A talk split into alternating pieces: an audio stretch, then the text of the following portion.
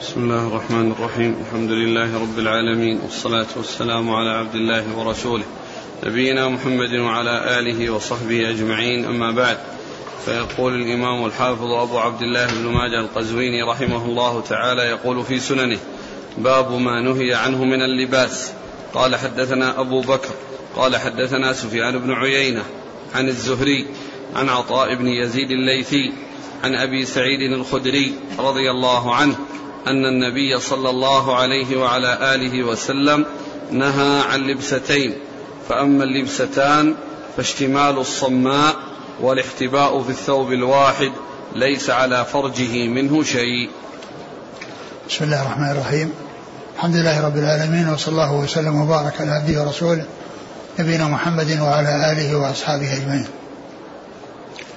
يقول الإمام ماجه رحمه الله باب ما نهي عنه من اللباس. باب ما نهي عنه من اللباس. ورد فيها حديث حديث من أولها حديث أبي سعيد الخدري رضي الله تعالى عنه أن النبي صلى الله عليه وسلم نهى عن لبستين وهما اشتمال الصمة والاحتباء والاحتباء واشتمال الصمة فسرت بأنها آه، بأن يكون الإنسان يلتحف بثوب آه، يدخل فيه يديه ويحيط بجميع جسده إلا رأسه فإنه فإن هذه الهيئة منهي عنها لأنه لو عرض للإنسان عارض فإنه يصعب عليه إخراج يديه. يعني فيما إذا كان الثوب مغلقا فإنه يصعب عليه إخراج يديه للتخلص من الشيء الذي أفزعه إذا حصل له أفزعه شيء وإن كان يعني ليس محيطا أو ليس يعني آه، مخيطا ولكنه التحف به وغطى كل شيء وليس عليه غيره فإنه لو أصابه شيء وفزع فإنه تنكشف عورته لأنه يلقي بهذا الشيء فتخرج عورته. وأما الاحتباء فهو أن يجلس الإنسان على على مقعدته وعلى رجليه ويجعل آه فخذيه ملتصقين بساقيه ببطنه فخذيه ملتقين ببطنه وساقه ملتحق ملتصق بفخذه ويشد ذلك من جميع الجوانب بثوب ويبقى أعلاه مفتوحا ويبقى أعلاه من جهة السماء. مفتوحا فإن ذلك فيه احتمال آه، خروج أو ظهور عورة من فوق وانكشافها من فوق وكذلك لو حصل له آه، آه، حركة أو شيء من ذلك فإنه قد يسقط عنه هذا الذي احتبى به وهذا الذي أحاط به من جميع الجوانب إلا من فوق. يعني من فوق الفخذين فيحصل الانكشاف. فإنه يحصل الانكشاف. الصمة فسرت بهذا التفسير الذي مر وهو أنه يكون آه، يلتحف بالثوب وتكون يداه من الداخل و آه، فيكون مثل الصخرة الصماء التي لا ثقوب فيها. قيل له الصمة لأنه يشبه الصخرة الصماء التي ليس فيها يعني آه، خروق وليس فيها وإنما هي مكتومة أو من من جميع الجهات كصخرة فيترتب على ذلك المضرة. وفسر بأنه يلتحف بثوب واحد ليس عليه غيره ثم يرمي بأحد طرفيه على كتفه اليسرى فإن ذلك تحصل معه انكشاف العورة لأنه ليس عليه إلا هذا الثوب. فإذا التحف به وضرب بأحد طرفيه على كتفه على على كتفه الأيسر فإن هذا الضرب أو هذا الإلقاء الذي يكون على الكتف يحصل معه انكشاف العورة. الأول قيل إنه آه، تفسير اللغويين والثاني قيل إنه تفسير الفقهاء وكل فيهما وكل منهما فيه محذور نعم. قال حدثنا أبو بكر. أبو بكر بن أبي شيبة هو ثقة أخرج له أصحاب الكتب إلا الترمذي. عن سفيان بن عيينة. سفيان بن عيينة ثقة أخرج أصحاب الكتب. عن الزهري. مسلم بن. محمد بن مسلم بن عبيد الله بن شهاب ثقة أخرج أصحاب الكتب. عن عطاء بن يزيد الليثي. عطاء بن يزيد الليثي ثقة أخرج أصحاب الكتب. عن أبي سعيد الخدري. أبو سعيد الخدري سعد بن مالك بن سنان الخدري رضي الله تعالى عنه وهو أحد السبعة المكثرين من حديث الرسول صلى الله عليه وسلم. وعطاء بن يزيد الليثي هذا في طبقته اثنان ممن يقال لهم عطاء عطاء بن أبي رباح وعطاء بن يسار وهؤلاء ثلاثة من التابعين وكلهم يروون عن الصحابة وكلهم ثقات أخرج لهم أصحاب الكتب الستة وكلهم ثقات أخرج لهم أصحاب الكتب الستة عطاء بن يزيد الليثي هذا وعطاء بن أبي رباح وعطاء بن يسار هؤلاء ثلاثة كل منهم يسمى عطاء وهم من التابعين ويروون عن الصحابة وكلهم ثقات وكلهم أخرج له أصحاب الكتب الستة. قال حدثنا أبو بكر بن أبي شيبة قال حدثنا عبد الله بن نمير وأبو أسامة عن عبيد الله بن عمر عن خبيب بن عبد الرحمن عن حفص بن عاصم عن أبي هريرة رضي الله عنه أن رسول الله صلى الله عليه وسلم نهى عن لبستين عن اشتمال الصماء وعن الاحتباء في الثوب الواحد يفضي بفرجه إلى السماء. ثم ذكر هذا الحديث حديث أبي هريرة هو مثل الحديث السابق النهي عن اشتمال الصماء وفيه آه، والاحتباء بالثوب الواحد آه، يكون أعلاه من جهة السماء يعني يعني ليس مغطى فإنه كما سبق أن ذكرت أنه قد يرى الفرج من فوق وقد يكون أيضا إذا حصل له آه، حركة سريعة فإنه ينكشف يعني هذا الذي احتبى به. وهذا فيما إذا كان ليس عليه شيء. أما إذا كان آه، يعني عليه شيء وحصل احتباء ولو انفك فإن هذا يعني زيادة عن الثوب الذي لأن عليه ثوب لو حصل أن هذا الذي الذي ربطه بنفسه ربط نفسه به فإنه ما تنكشف العورة. لا تنكشف العورة إذا كان عليه ثوب واحتبى وعليه ثوب. نعم. قال حدثنا أبو بكر بن أبي شيبة عن عبد الله بن نمير. ثقة أخرج أصحاب الكتب. وأبي أسامة. حماد بن أسامة ثقة أخرج أصحاب الكتب. عن عبد الله بن عمر عبد الله بن عبيد الله بن عمر. وهو العمري المصغر ثقة أخرج أصحاب الكتب. عن خبيب بن عبد خبيب بن عبد الرحمن وهو ثقة أخرج له. أصحاب الكتب. نعم. عن حفص بن عاصم. وهو ثقة أخرج أصحاب الكتب. نعم. عن أبي هريرة. نعم. قال حدثنا أبو بكر بن أبي شيبة قال حدثنا عبد الله بن نمير وأبو أسامة عن سعد بن سعيد عن عمرة عن عائشة رضي الله عنها أنها قالت نهى رسول الله صلى الله عليه وسلم عن لبستين اشتمال الصماء والاحتباء في ثوب واحد وأنت مفض فرجك إلى السماء. ثم ذكر حديث أبي هريرة حديث عائشة ومثل حديث أبي هريرة ومثل الحديث السابق الذي قبله حديث أبي سعيد. ف آه، كل كل كل هذه الأحاديث فيها النهي عن هاتين اللبستين وهما اشتمال الصمة والاحتباء في الثوب الواحد الذي يكون آه، فرجه يعني من جهة يكون أعلاه من جهة السماء مفتوحا. نعم. قال حدثنا أبو بكر بن أبي شيبة عن عبد الله بن نمير وأبي أسامة عن سعد بن سعيد. سعد بن سعيد الأنصاري وهو صدوق أخرج له. أصحاب الكتب؟ لا. عن عمرة عن عائشة. لا أخرج له. أصحاب الكتب؟ سعد بن سعيد. آه لا. هذاك. صدوق سيء الحفظ أخرج البخاري تعليقا ومسلم وأصحاب السنن. نعم و... وسعد بن سعيد هذا هو أخو يحيى بن سعيد المشهور المكثر من الرواية وأيضا أخو لعبد ربه بن سعيد الذي مر بنا في الدرس الماضي أو الذي قبله. فهم ثلاثة إخوة. يعني كلهم من رواة الحديث وهم يعني يحيى بن سعيد وهذا هو المشهور ولهذا يعرف به فيقال أخو يحيى بن سعيد. ولهذا عندما ذكر ترجمة سعد وسعد غير مشهور يعني نسب إلى المشهور أو عرف به بإضافته إلى المشهور فقيل أخو يحيى بن سعيد. أخو يحيى بن سعيد. فيحيى بن سعيد الأنصاري هذا ثقة مكثر وعبد ربه ابن سعيد ثقة قد مر قد أخرج له أصحاب الكتب. وأما هذا الذي هو سعد فإنه صدوق أخرج له البخاري تعليقا. البخاري تعليقا؟ مسلم وأصحاب السنة. مسلم وأصحاب السنة. عن عمرة عن عائشة. عن عمرة بنت عبد الرحمن الأنصارية ثقة أخرج أصحاب الكتب. عن عائشة رضي الله عنها أم المؤمنين وهي من السبع المكثرين من حديث رسول الله صلى الله عليه وسلم. يعني فهذه الأحاديث الثلاثة كلها فيها من المكثرين عن رسول الله عليه الصلاة والسلام. آه، جاء أبو سعيد وأبو هريرة وعائشة. نعم.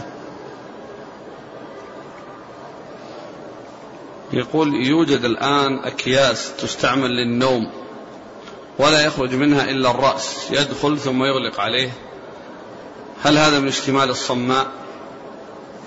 هذا ليس من جنس اشتمال الصماء الذي يحصل منه انكشاف العورة. انكشاف العورة واحتمال انكشاف العورة لأن هذا يعني آه، دخل في هذا الكيس ولم يظهر إلا رأسه.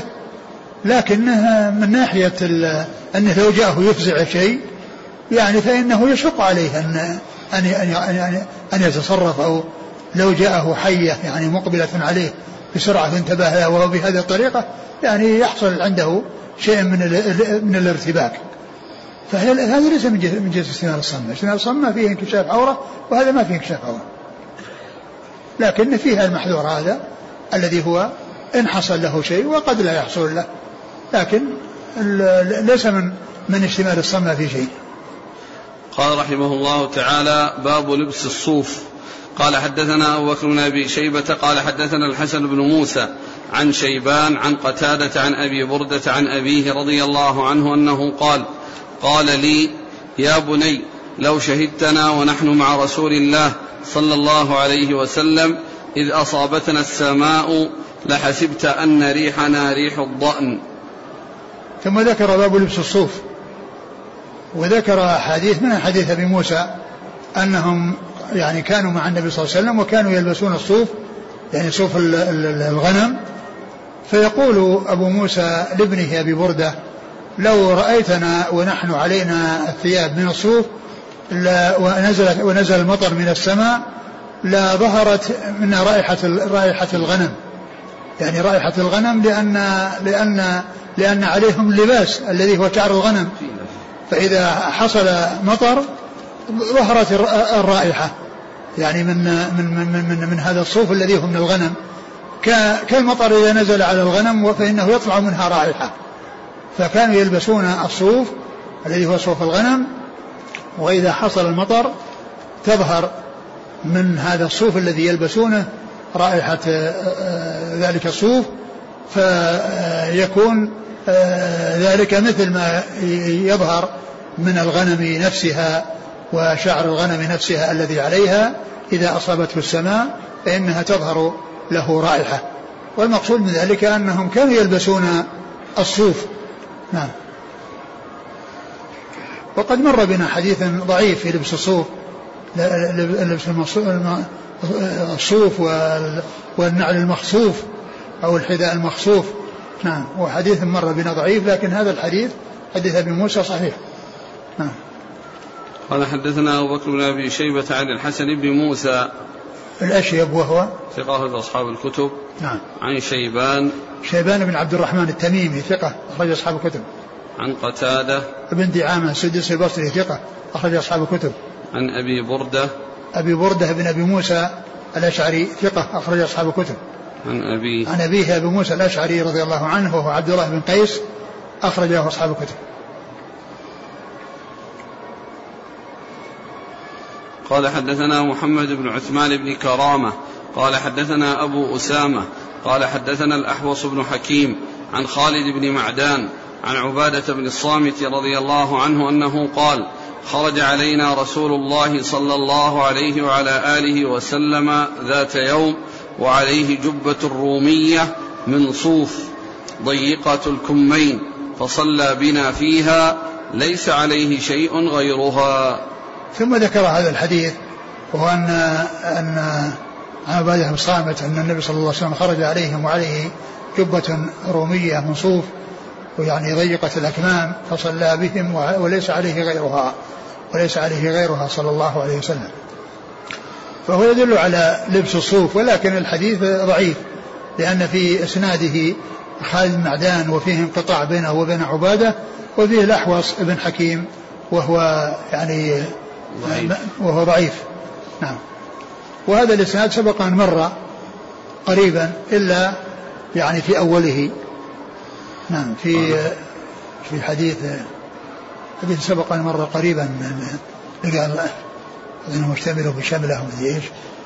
نعم مرسل صلى في شملة قد عقد عليها. نعم نعم.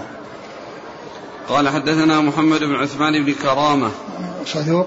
ثقة البخاري وأبو داود الترمذي بن ماجه. نعم.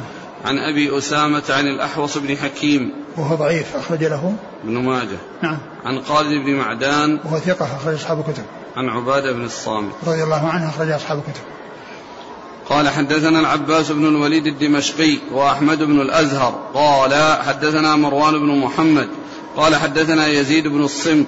قال حدثني الوضين بن عطاء عن محفوظ بن علقمة عن سلمان الفارسي رضي الله عنه أن رسول الله صلى الله عليه وسلم توضأ فقلب جبة صوف كانت عليه فمسح بها وجهه.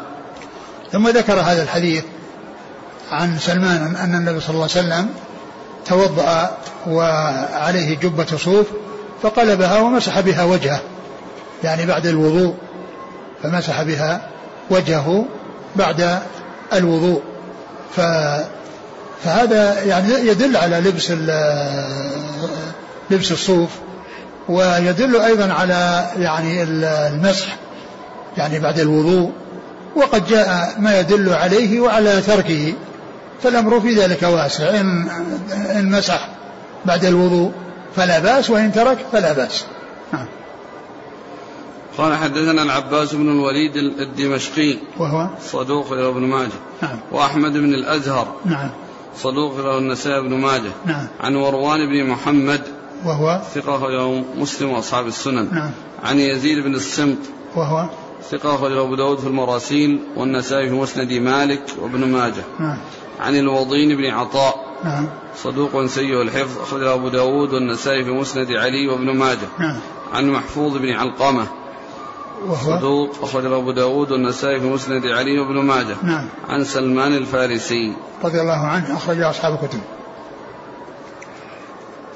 هذا قال عندك كيف؟ كيف؟ يعني إيش قال عندك؟ فيه يقول انقطاع. لا لا. شيخ ناصر ماذا قال؟ يقول ضعيف. نعم هو هنا قال ضعيف وفي الم... في وفي الموضع الذي سبق قال حسن.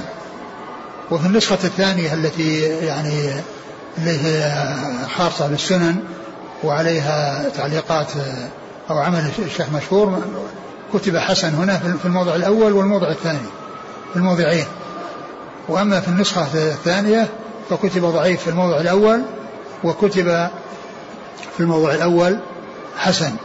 وهذا فيه احتمال يعني الإرسال يعني بين ال محفوظ بن علقمة و سلمان وسلمان. نعم.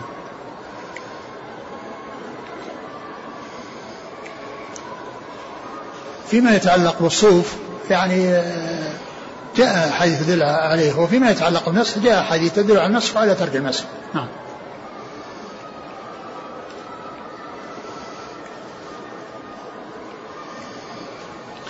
قال حدثنا سويد بن سعيد قال حدثنا موسى بن الفضل عن شعبة عن هشام بن زيد عن أنس بن مالك رضي الله عنه أنه قال رأيت رسول الله صلى الله عليه وآله وسلم يسم غنما في آذانها ورأيته متزرا بكساء.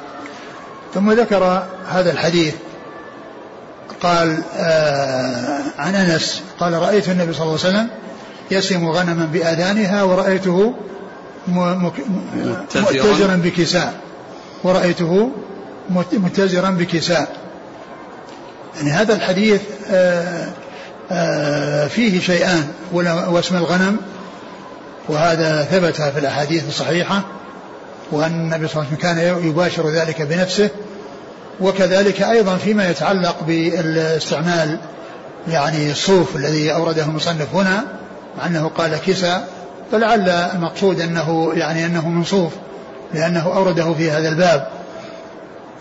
والحديث آه، في سناد إيش؟ موسى بن الفضل مقبول. وبعده؟ عن شعبة عن هشام بن زيد عن أنس بن مالك. وقبل, وقبل ذلك؟ سويد بن سويد سعيد, سعيد. يعني قيل إن الكلام فيه من جهة موسى بن الفضل. وقيل من جهة سويد بن, بن سعيد والشيخ ناصر ضعفه وتكلم فيه من جهة سويد بن سعيد. و و و يعني غيره يعني أو من ممن تكلم في الحديث في موسى بن الفضل. موسى ابن الفضل الذي يعني قيل إنه مقبول. نعم. نعم مقبول. لكن الحديث جاء في صحيح البخاري وصحيح مسلم يعني حديث يدل على حصول الأمرين وهو عن أنس رضي الله عنه نفسه أنه يعني رأى النبي صلى الله عليه وسلم يعني وهو يسم يعني عليه عليه خميصة وهو يسم يعني في بعض طرق الحديث يعني ظهرا يعني الذي في الغالب الإبل وفي بعضها من رواية عند البخاري يعني ذكر الغنم يعني يسم شاة. فهذا الحديث وإن كان فيه يعني هذا المتكلم فيه إلا أنه يشهد له ما جاء في الصحيح من جهة أن الرسول صلى الله عليه وسلم آه، حصل منه الأمران اللبس يعني آه، الخميصة وهنا قال كساء وكذلك الوسم. وكذلك الوسم يعني كونه يسم الغنم بأذانها وكذلك جاء عنه أنه يسم الظهر. والحديث في صحيح البخاري رقمه 5824 حيث أنس 5824 الذي فيه الجمع بين الأمرين. فيكون هذا الحديث الذي فيه ضعف يعني له شاهد. هناك صحابي منه أنس. أنس. هناك أنس وهنا أنس. نعم. قال حدثنا سويد بن سعيد. هو؟ صدوق له مسلم بن ماجه. نعم. عن موسى بن الفضل. وهو؟ مقبول أخرجه ابن ماجه. وهذا موسى بن الفضل فيه ثقة يعني يعني اسمه يعني هذا مقلوب اسمه الفضل بن موسى. الفضل بن موسى ثقة أخرج أصحاب الكتب. وموسى بن الفضل هذا مقبول. يعني فالاسمان يعني يعني التقديم والتأخير الفضل بن موسى السيناني ثقة أخرج أصحاب الكتب. وموسى ابن الفضل هذا هو المقبول. نعم. عن شعبة. شعبة بن الحجاج ثقة أخرج أصحاب الكتب. عن هشام بن زيد. وهو؟ ثقة أخرج أصحاب الكتب. نعم. عن أنس بن مالك. نعم. رضي الله عنه. وهو خادم الرسول صلى الله عليه وسلم وأحد السبع المكثرين من حديثه عليه الصلاة والسلام. هنا الشيخ يصحح الشطر الأول صحيح. أين بس الكلام على الضوء الأخير؟ يعني كونه الأخير مع أن مع أن في البخاري فيه الاثنين خميصة غير الكساء. ها؟ خميصة غير الكساء. لا بس الكساء يعني يعني ما فسر هنا. أقول ما فسر الكساء. الكساء يعني لفظ عام. لأنه ذكر في باب باب الصوف والكساء يعني كما هو علم أوسع من كلمة الخميصة والخميصة يعني لها لها حمل. وقد يكون ذلك مصروف. والكساء ليس بلازم أن يكون في حمل لأنه يكون بدون حمل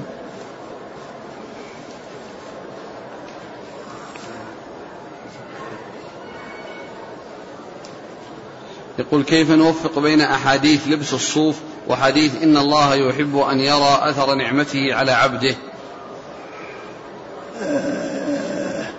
إذا كان المقصود إذا كان أنها الصوف هذا الذي يلبسه يعني فيه رداءة وأنه رديء وأنه يعني يكون فيه يعني عدم ظهور النعمة على الإنسان وأن من يراه يظن أنه فقيرا مع أنه غني فيمكن أن يجرؤ لما يراه من لباسه الرديء إلا أن يعطيه شيئا مع أنه ثري وعنده ثراء وعنده مال. فإذا كان من, من هذا القبيل وهو من النوع الرديء الذي يعني يصير فيه رداءة ويظن أنه فقير ف يقدم من يقدم على الإحسان إليه مع أنه آه، هو نفسه من المحسنين ومن أصحاب الأموال الطائلة. آه، أما إذا كان الصوف يعني هذا آه، جيد ونوعها. يعني لا لا, لا يظن بصاحبه أنه فقير أو يعني يتوقع أنه فقير وإنما عليه ثوب من الصوف مثل ما هو موجود الآن. في لبس الصوف الآن يعتبر من الألبسة الفاخرة ألبسة الصوف التي تتخذ وتستعمل في الشتاء هي من الألبسة الفاخرة.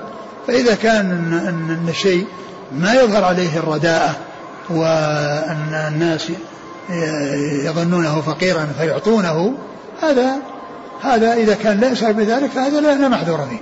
وأما إذا كان يظهر عليه يعني هيئة آه، رديئة يعني شيء رديء من الصوف أو غيره حتى من غير الصوف إذا كان رديئا فإنه آه، هو الذي آه، جاء في الحديث أن الرسول قال فليرى عليك أو الله يحب إذا عمل عبده يرى أثر نعمته.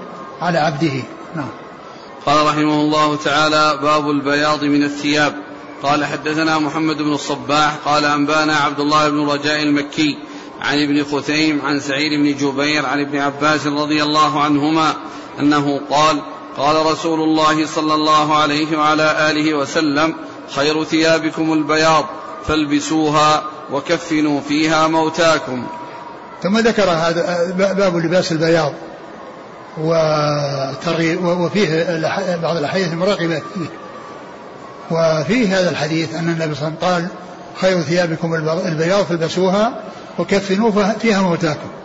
يعني اولا أرشد إلى أنها خير الثياب ويعني أمر بلبسها وأمر بالتكفين بها وأمر بالتكفين بهذه الثياب. نعم. قال حدثنا محمد بن الصباح صدوق أخرج له. أبو داود بن ماجه. نعم. عن عبد الله بن رجاء المكي. وهو؟ ثقة أخرج البخاري في القراءة ومسلم وأبو داود النسائي بن ماجه. نعم. عن ابن خثيم. وهو؟ صدوق البخاري تعليقا ومسلم وأصحاب السنن. نعم. عن سعيد بن جبير. ثقة أخرج أصحاب الكتب. عن ابن عباس. ابن عباس رضي الله عنهما أحد العباد الأربعة وأحد السبع المكثرين من حديث الرسول صلى الله عليه وسلم. قال حدثنا علي بن محمد قال حدثنا وكيع عن سفيان عن حبيب بن أبي ثابت عن ميمون بن أبي شبيب عن سمرة بن جندب رضي الله عنه أنه قال قال رسول الله صلى الله عليه وعلى آله وسلم البسوا ثياب البياض فإنها أطهر وأطيب. ثم ذكر هذا الحديث عن عن حديث عن سمرة بن جندب. سمرة بن جندب رضي الله عنه قال البسوا ثياب البياض البسوا البسوا ثياب البياض. البسوا ثياب البياض فإنها أطهر وأطيب. وأطيب. وهذا مثل الذي قبله البسوها خير ثياب البياض فالبسوها فهنا يعني أمر بلبسها فهو يدل على ما دل عليه الحديث السابق من حيث اللبس. وقال إنها أطهر وأطيب يعني آه، إلى معنى كونها أطهر أطهر وأطيب لأنها إذا حصل فيها يعني يظهر عليها الوسخ فيبادر إلى إلى إلى تنظيفها وإلى يعني التخلص من الوسخ الذي يكون فيها بخلاف غيرها من الألبسة الأخرى فإنه قد يصل عليها الوسخ ولكنه لا يظهر. فيكون البياض يعني يكون ما جيدا وإما يتبين فيه يعني شيء يعني يقتضي أنه ينظف فيبادر إلى التنظيف. فيكون الإنسان يعني آه، لابسا الثياب إما يعني آه، جديدا أو غسيلا إما جديدا وإما غسيلا. فيكون في من هذا من حيث الناحية يعني آه، أطيب وأطهر يعني من حيث النظافة. نعم. قال حدثنا علي بن محمد. هو الطنافسي وهو صدوق وهو ثقة أخرجه النسائي في مسجد علي وابن ماجه. عن وكيع. وكيع بن الجراح ثقة أخرج أصحاب الكتب. عن سفيان. هو الثوري ثقة أخرج أصحاب الكتب. عن حبيب بن أبي ثابت. وهو ثقة أخرج أصحاب الكتب. عن ميمون بن أبي شبيب. وهو؟ صدوق في البخاري في الأدب المفرد ومسلم في المقدمة وأصحاب السنن. نعم. عن سمرة بن جندب. رضي الله عنه أخرج أصحاب الكتب. قال حدثنا محمد بن حسان الأزرق. قال حدثنا عبد المجيد بن أبي رواد. قال حدثنا مروان بن سالم. عن صفوان بن عمرو عن شريح بن عبيد الحضرمي عن أبي الدرداء رضي الله عنه أنه قال قال رسول الله صلى الله عليه وسلم إن أحسن ما زرتم الله به في قبوركم ومساجدكم البياض. ثم ذكر هذا الحديث إن يعني آه، خيرا إن أحسن إن ما زرتم به ربكم. إن أحسن ما زرتم الله به. إنما أحسن ما زرتم الله به آه، في قبوركم ومساجدكم البياض. البياض في قبوركم ومساجدكم. يعني في قبوركم كونها تصير أكفان. يعني الناس يذهبون إلى القبور وعليهم أكفان بيض. وعليهم أكفان بيض. هذا المقصود بزيارة زيارة الله في القبور. يعني أنهم يذهبون ينتهون من الدنيا ويقدمون على الله عز وجل وعلى لقاء الله. ومعلوم أن القبر أول مراحل الآخرة أول منازل الآخرة و والموت هو الحد الفاصل بين الدنيا والآخرة. لأن ما قبل الموت يعني العمل وما بعد الموت الجزاء سواء في القبر أو بعد القبر. وهنا الزيارة المقصود بها الذهاب للقبور يعني بالموت وأنهم يكفنون بالألبسة البيض أو يكفنون بالبياض. هذا المقصود بالزيارة يعني الذهاب للقبور مثل قول الله عز وجل لهاكم التكاثر حتى زرتم المقابر. يعني حتى متم. يعني حتى حصل لكم الموت. فالمقصود بالزيارة هنا الموت. وكذلك المساجد. فالإنسان يذهب لله إلى مساجد بيوت الله يناجي الله عز وجل يكون يعني عليه يعني هذا اللباس الطيب الذي هو أحسن الألبسة. ولكن الحديث فيه رجل متروك. وبعضهم اتهمه بالوضع وهو آه، بن سالم إيش؟ مروان بن سالم. مروان بن سالم نعم.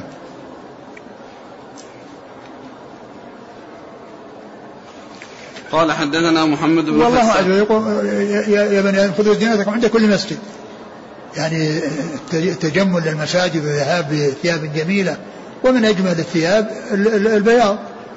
لكن الحديث كما عرفنا هو يعني فيه راو متروك ومتهم بالوضع. قال حدثنا محمد بن حسان الأزرق هو؟ ثقة أخرجه ابن ماجه. نعم. عن عبد المجيد بن أبي رواد وهو؟ صدوق يخطئ أخرجه مسلم وأصحاب السنن. نعم.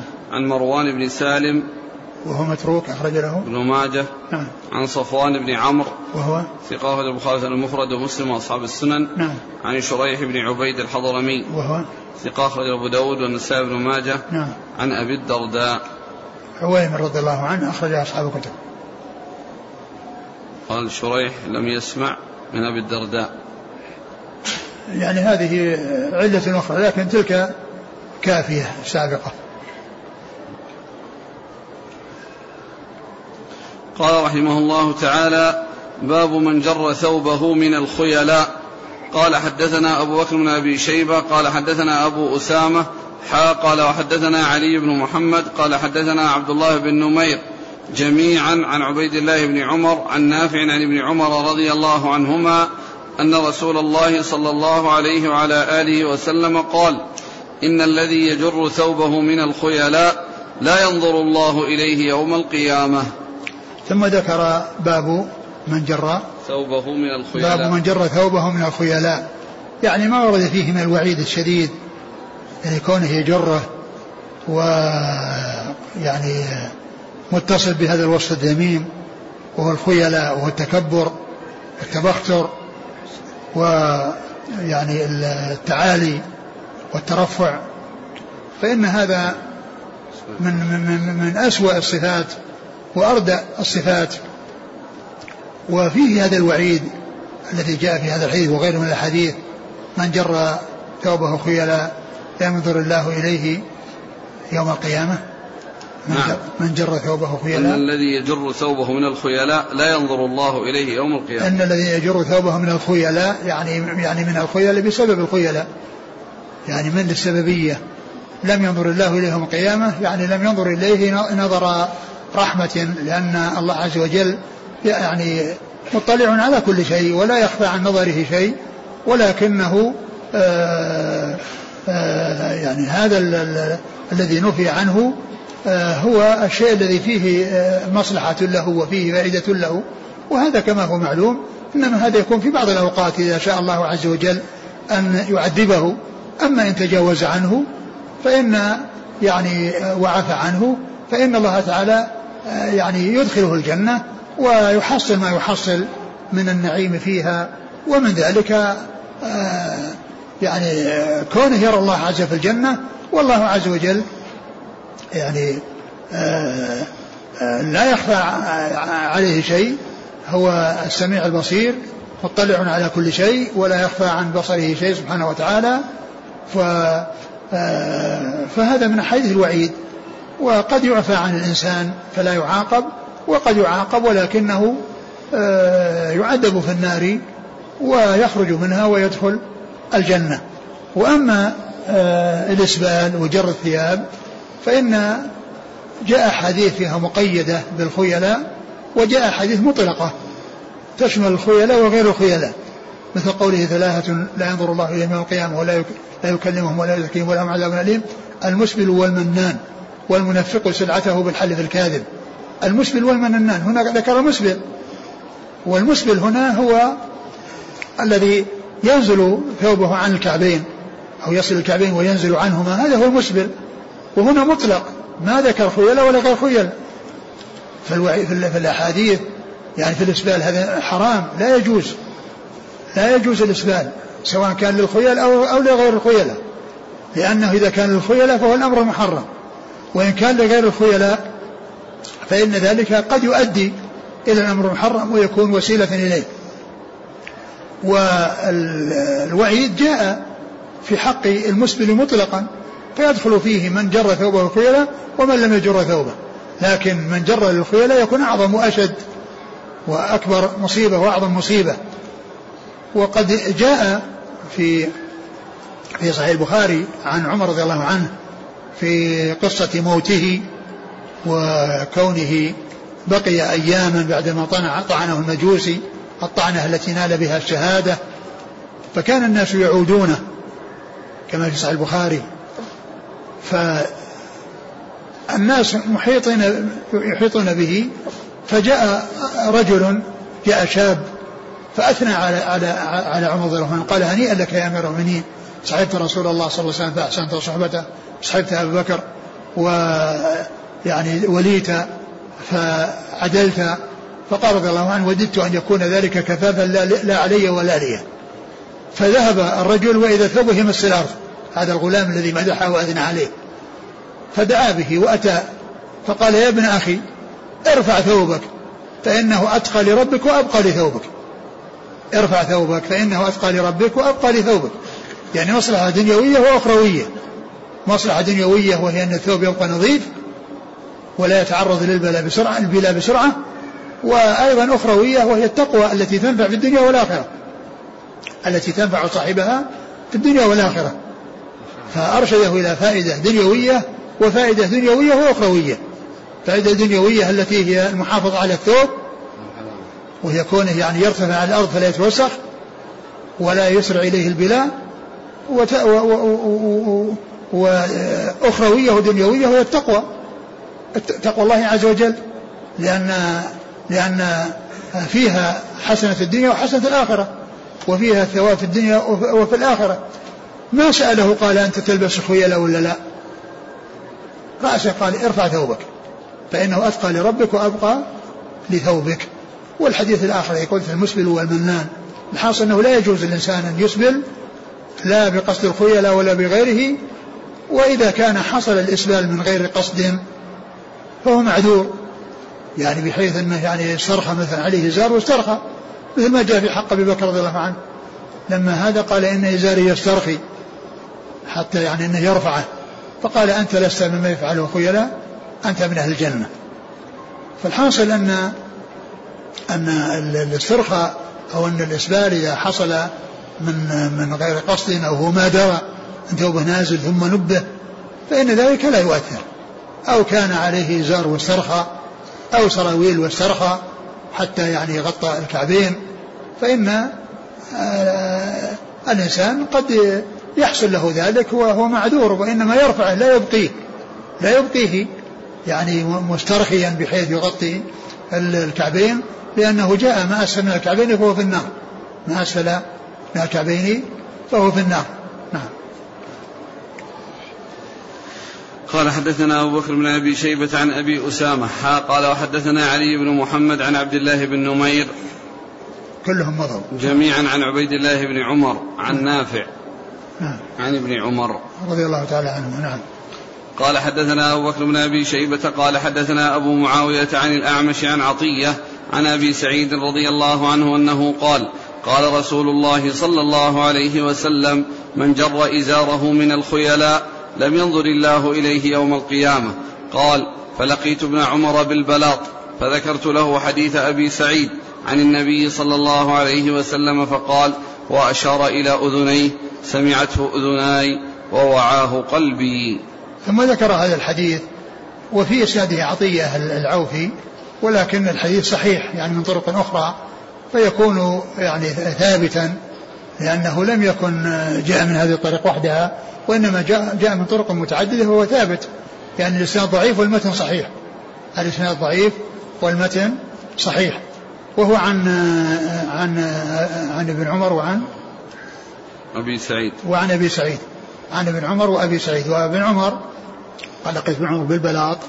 والبلاط هو مكان خارج المسجد بين المسجد والسوق مسجد الرسول صلى الله عليه وسلم والسوق يعني مبلط بالحجارة. يقال له البلاط. فقال لما سئل عنه قال وأشار إلى أذنه أو إلى أذنيه قال سمعته أذناي ووعاه قلبي.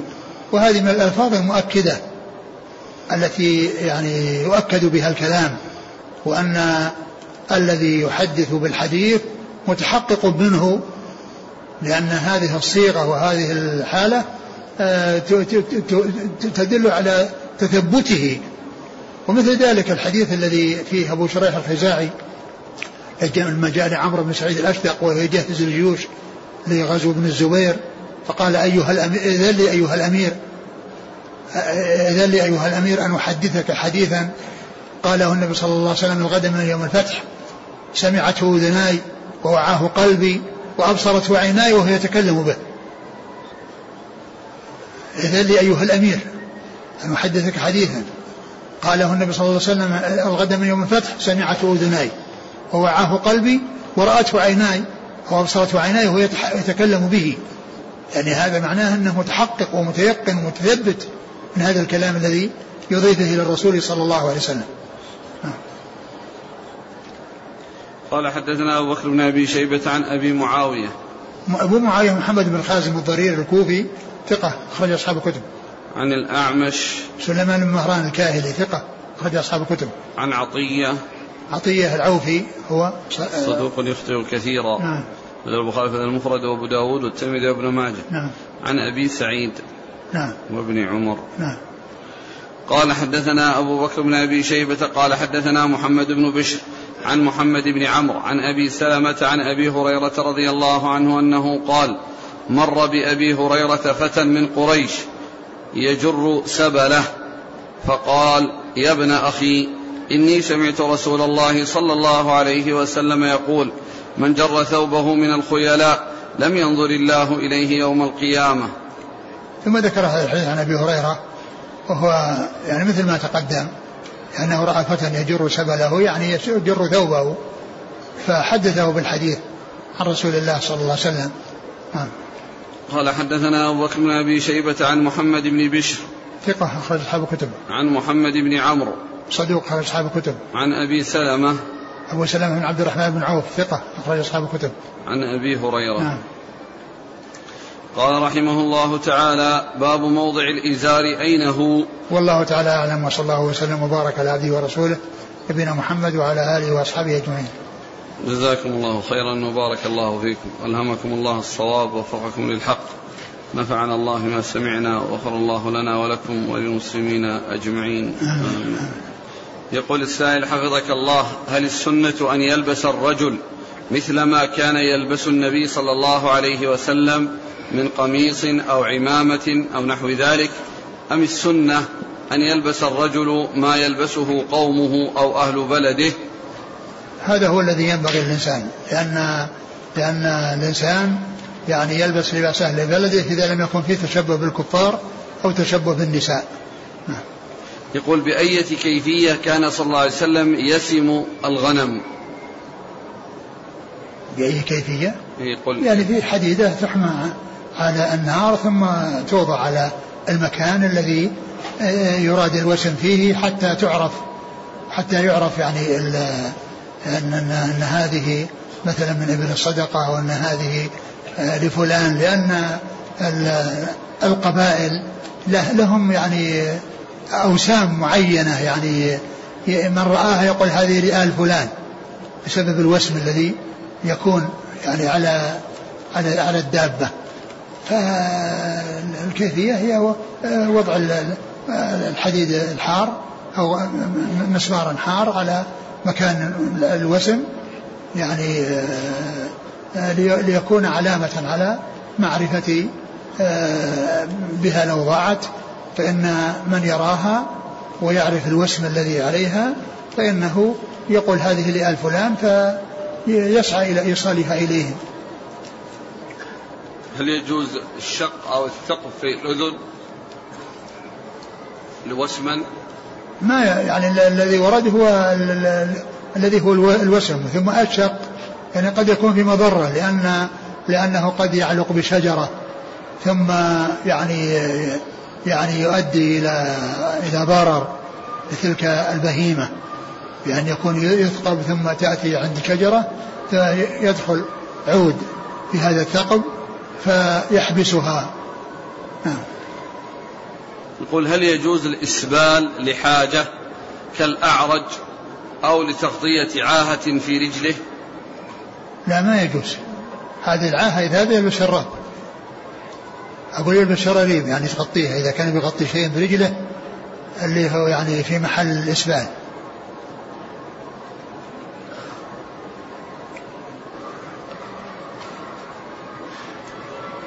قوله صلى الله عليه وسلم خير ثيابكم البياض. هل يدخل في الخطاب النساء؟ لا النساء النساء الألبسة الخاصة بالنساء من أي لون من الألوان تكون يعني لكن البياض الخاص بالرجال ليس للنساء أن تلبسه.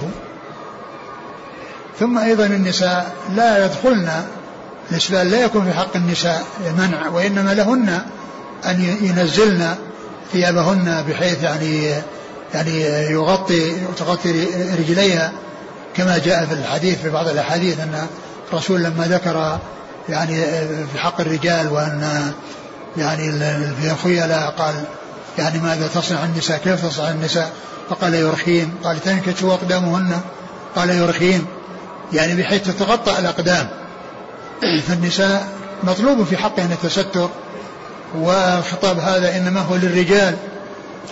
والشيء المؤسف أنه في هذا الزمان في كثير في بعض البلاد وكثير من البلاد الرجال يسبلون والنساء تتعرى. الرجال يغطون كعابهم ولا يظهر منهم شيء يعني إلا رؤوسهم وأيديهم. وأما النساء حتى بعض الأفخاذ تظهر في بعض البلاد. يعني تظهر الرؤوس والصدور والأعضاد والسيقان وبعض الأفخاذ وأما الرجال فهم يسبلون. انعكست القضية. من يراد منه أن يتستر يعني يعني يظهر زينته النساء ومن يراد منهم أن لا يسبلوا هم الذين يصيرون إلى الإسلام.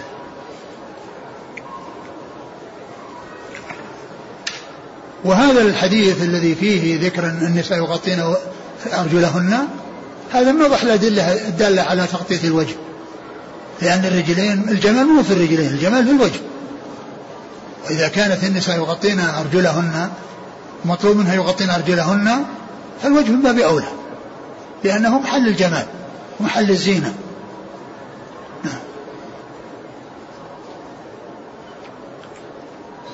يقول نحن في بلد مسلم عندنا الشباب يعانون من مضايقة من رجال الأمن عندما يقصرون ثيابهم ويعفون لحاهم. فما نصيحتكم؟ الثياب لا يستعمل الإسبال. يعني يرفعون ثيابهم عن كعابهم وأما اللحى فإنهم يعفونها ولا يتعرضون لها. وأما الثياب الثياب فإنهم يعني لا يغطون الكعاب وإنما يعني يكشفون الكعاب وما تحتها وما فوق ذلك فالأمر في ذلك واسع.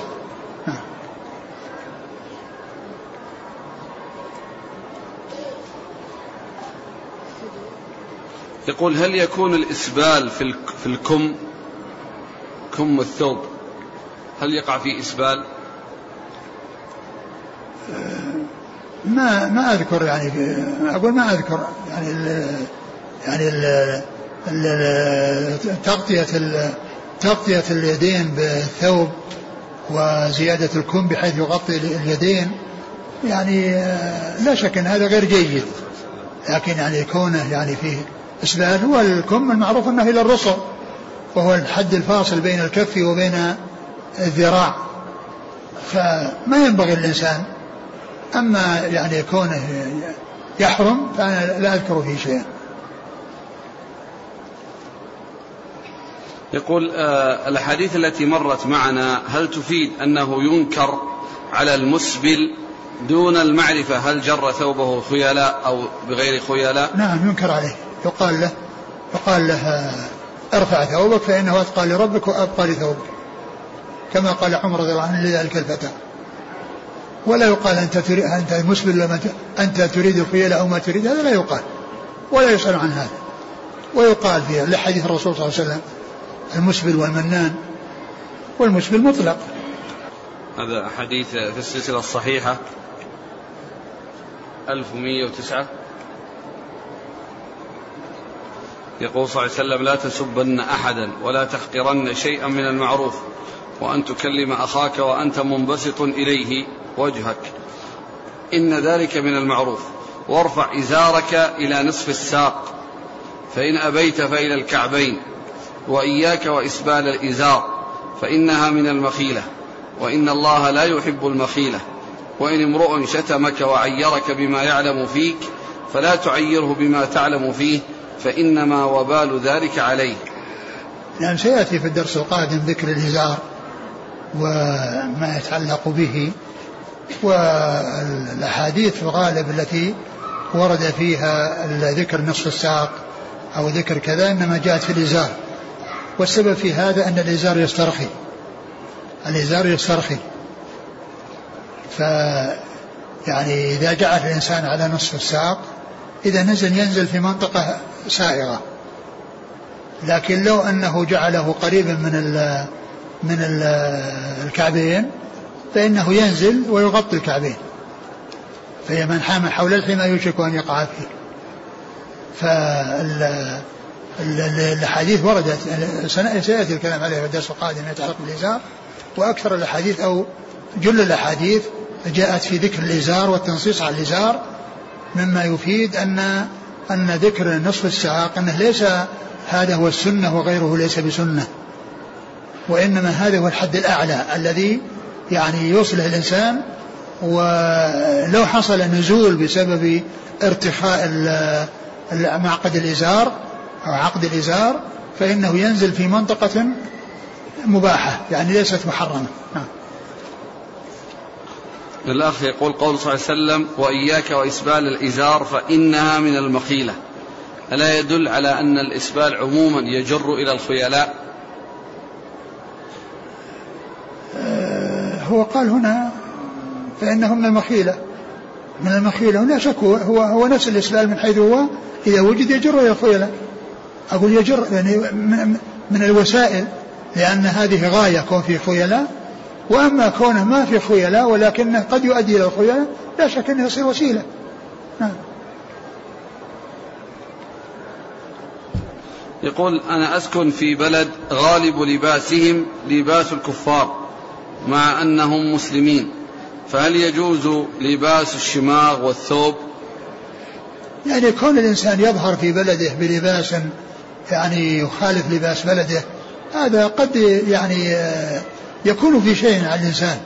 لكن إذا كان أنه يلبسون لباس الكفار فإنه لا يستعمل بعض الأشياء التي هي من خصائص الكفار مثل هذا الذي يكون الغل الذي يكون في العنق. ف يعني وأيضا يعني آه، يوسع ثيابه ويوسع السراويل. يعني ما يجعلها ضيقة مثل مثل مثل ألبسة الكفار. نعم. يعني يلبس البنطلون والقميص. يلبس يلبس القميص ويلبس أيضا السراويل الواسعة. الألبسة التي يعني هي مشهورة بلباس الكفار مثل البنطلون ومثل هذه الأشياء التي ربطة العنق التي هي تشبه الغل. فأما هذه الربطة هذه يبتعد عنها الإنسان. وأما بالنسبة للبنطلون فإنه يلبس سراويل واسعة. يلبس سراويل واسعة إذا كان أهل بلده يعني حصل أنهم يلبسون هذا اللباس فهو لا لا يعمل مثل ما يعمل الكفار وإنما يترك الشيء الذي هو الذي مثل هذه ربطة العنق وكذلك أيضا البنطلون الذي يصف الأحجام يعني أو الذي يتبين منه الأحجام من الأمام ومن الخلف يلبس شيئا واسعا. نعم. يقول آه، آه، القول بأن الآن لبس البنطلون أصبح من لباس المسلمين. سابقا لم يكن لكن الآن أصبحت كثير من البلدان الإسلامية أهلها يرتدون هذا اللباس. وحينئذ لا يعد من التشبه بالكفار. ما رأيكم؟ ما دام هذا مشهور أنه لباس فرنجي وأن هذا لباس الكفار. على المسلمين أنهم يخالفون الكفار والمقصود يحصل. يحصل بكونهم يوسعون ثيابهم. ولا يستعملون هذا اللباس الذي هو من خصائص الكفار اللي هو ربطة العنق الذي جاء الذي جاء من الكفار. هذا يسأل عن القبعة أو ما تسمى بالبرنيطة. ما حكم لبسها؟ يعني تغطية الرأس. الإنسان يغطي نفسه بأي شيء. أقول يغطي رأسه بأي شيء يغطيه سواء يعني آه، قبعة أو بطاقية أو بعمامة أو بأي شيء. نعم. لكن الشيء الذي يعني فيه شبهة الإنسان يبتعد عنه. دع ما يريبك إلى ما لا يريبك يقول الإخوان حتى هذه القبعة التي لها مقدمة أو يسمونها رف. وأنا قلت لك يعني إذا كان هذا يعني شيء من خصائص الكفار وهذا معروف من من عن الكفار إنسان يعني آه، آه، أقل الأحوال دع ما يريبك إلى ما لا يريبك. لبس البنطلون للنساء. ما يصلح أن النساء تلبس البنطلونات لأن هذا فيه محذور يعني يظهر أحجام فالمرأة ما ما يليق أنها تلبس البنطلونات. وإنما تلبس لباسها الذي هو لباس المسلمين لا تستعمل هذا اللباس الذي جاء من الكفار. يقول السائل ما حكم إلقاء خطبة الجمعة بغير اللغة العربية؟ الأصل أن الخطبة تكون لفهم السامعين. فإذا كان الذين آه، آه، يلقى عليهم الخطبة فيهم من يفهم العربية وفيهم من لا يفهم العربية فإنها تلقى بالعربية وبغير العربية. يعني تلقى بغير العربية وغير العربية. إذا كان الشخص يعني يفهم اللغة فيأتي بالعربية ويأتي بغيرها حتى يستفيد من هؤلاء ويستفيد من هؤلاء. أما إذا كان ما فيهم أحد يفهم العربية فإن فإنه يحدثهم بلسانه. ولكن يأتي بالحمد لله والثناء عليه يعني والصلاة على رسوله صلى الله عليه وسلم باللغة العربية. وأما الموعظة والتذكير الذي يعني يوجههم فيه ولا يفهمونه إلا بلغتهم يأتي به بلغتهم. قال الله عز وجل وما أرسلنا من رسول إلا بلسان قومه ليبين لهم. وما أرسلنا من رسول إلا بلسان قومه ليبين لهم. فإذا كان ما عندهم إلا هذه اللغة لو خطب عندهم باللغة العربية إنسان صيحة في وادي. صيحة في وادي ما ما حد يستفيد منها شيء. يقول هل يجوز للعالم بالمواريث أن يشترط مبلغا جعلا لكي يقوم بتقسيم الميراث؟ الذي ينبغي الذي ينبغي الإنسان أن يعني يفعل ذلك بدون مشارطة.